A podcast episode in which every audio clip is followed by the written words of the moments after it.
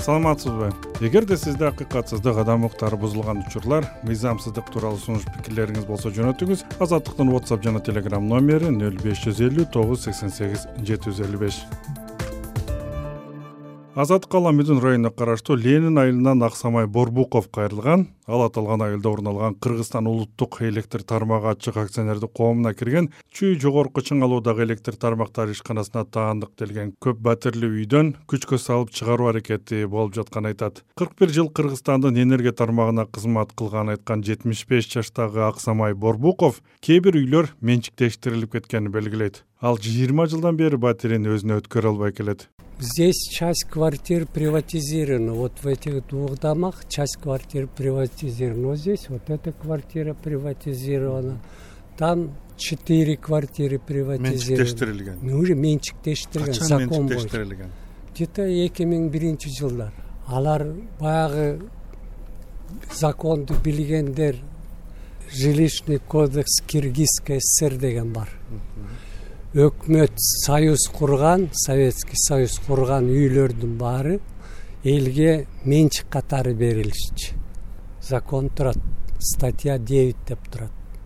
Предоставляется бессрочное пользование на праве личной собственности дейт бир нече мыйзам бузулуп жатканын айткан аксамай борбуков турак жайга болгон укуктарын коргоо үчүн мыйзамдардын баарын казып чыгыптыр а эң негизгиси жилищный комплекс эң биринчи бузулганы жилищный комплекс киргизской сср бузулуп атат ал закон боюнча бизге кат бериш э, должны были предоставить совместное решение профсоюзного комитета и предприятия.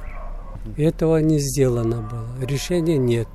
Ал ал ордер алгандан кийин биз биз менен договор найма деген бар экен түзүш керек болчу. Анын баары эчтеке кылынган эмес. Бирөөндө да дагы үйдө жашагандарда договор найма деген жок. Это правоустанавливающий документ. Он самовольно не заселился его заселили дегендей эми аны аны калыбына келтирүү мүмкүн бекен мына программа турат өзгөрүлгөн жок. Ошо акционерный обществонун раз создали акционерное общество что закон бар? Закон о приватизации жилищного фонда кыргызской республики деген закон турат. Ошондо бир пункт турат.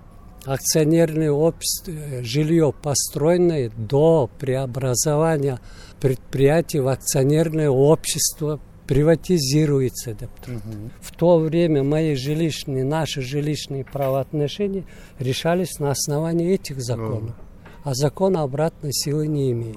Это в конституции прописано. В конституции прописано что собственность неприкосновенна. Никто не имеет права его отнимать. Это моя собственность. Раз предоставили значит хоть с нарушением кодекса но предоставили лен айылында чүй жогорку чыңалуудагы электр тармактары ишканасына таандык делген бир нече көп батирлүү үйлөр жайгашкан. Аларда аксамай борбуковго окшоп үйүн менчикке өткөрө албай же таштап чыгып кетейин десе башка турак жайы жок бир нече адамдар бар экен. Алардын бири алтымыш алты жаштагы ардагер юрий владимиров электр көмөкчү ордондо кырк үч жыл иштеген. Азыркы батиринде кырк жылдан бери жашап келет. Ал үйүн өзүнө өткөрүп алуу тууралуу кыргызстан улуттук электр тармагы ачык акционердик коомуна жыл сайын кайрылат.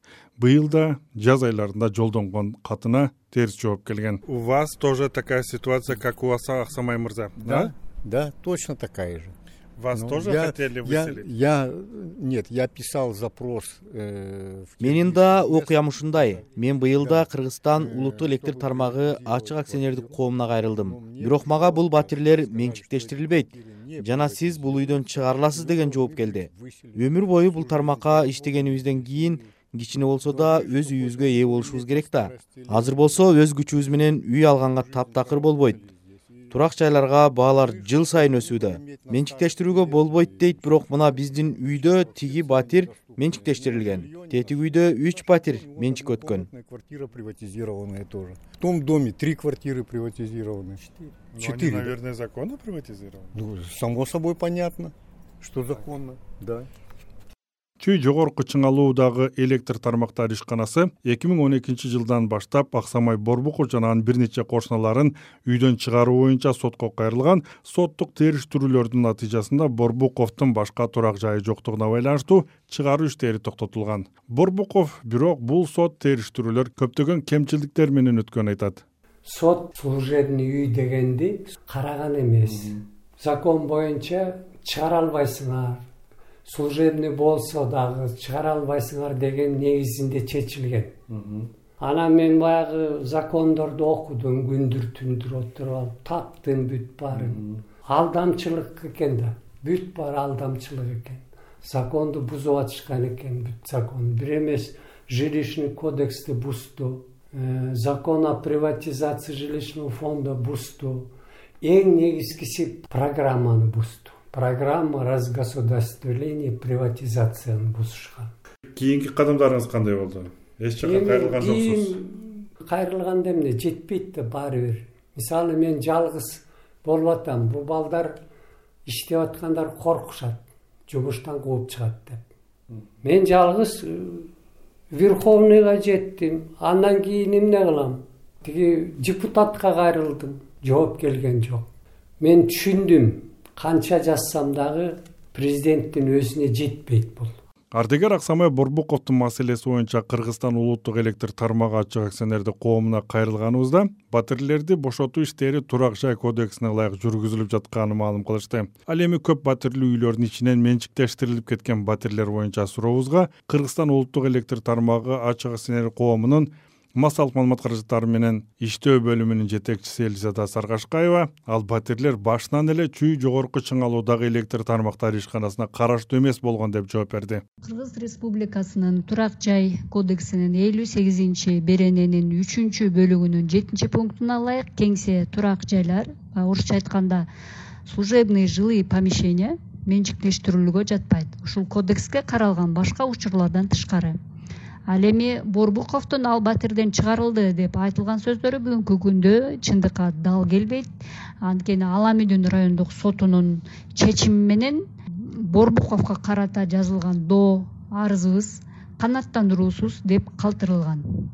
Белгилей кетейин ошол жерге бизге караштуу болгон батирлердин бири дагы бүгүнкү күндө менчиктештирүүгө берилген эмес деген менен биз номер биринчи үйдөгү өз убагында менчикке өтүп сатылып кеткен деген батирдин азыркы ээси татьяна аттуу ардегерге суроо узаттык ал чыны менен үйдү он жыл мурда сатып алганын ырастады. Было приватизировано мы на подстанции не работали. Бул үй менчиктештирилген деп айтышты. Биз көмөк чордондо иштеген эмеспиз. Сатып алганбыз. Бизге чейин да бир жолу сатылган экен. Биз экинчи ээси экенбиз. Живете здесь десять лет уже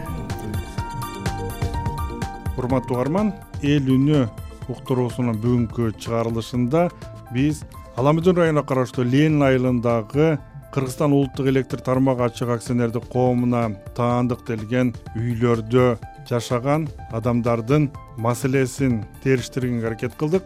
Ушуну менен уктуруубузду жыйынтыктайбыз. Бизге тема сунуштап пикир калтырыңыз. Байланыш үчүн телефон номерибиз нөл үч жүз он эки жыйырма бир токсон төрт жыйырма үч. Whatsapp телеграмдагы номерибиз нөл беш жүз элүү тогуз сексен сегиз жети жүз элүү беш. Элдин пикирин топтогон сабыр абдымомунов эсен туруңуз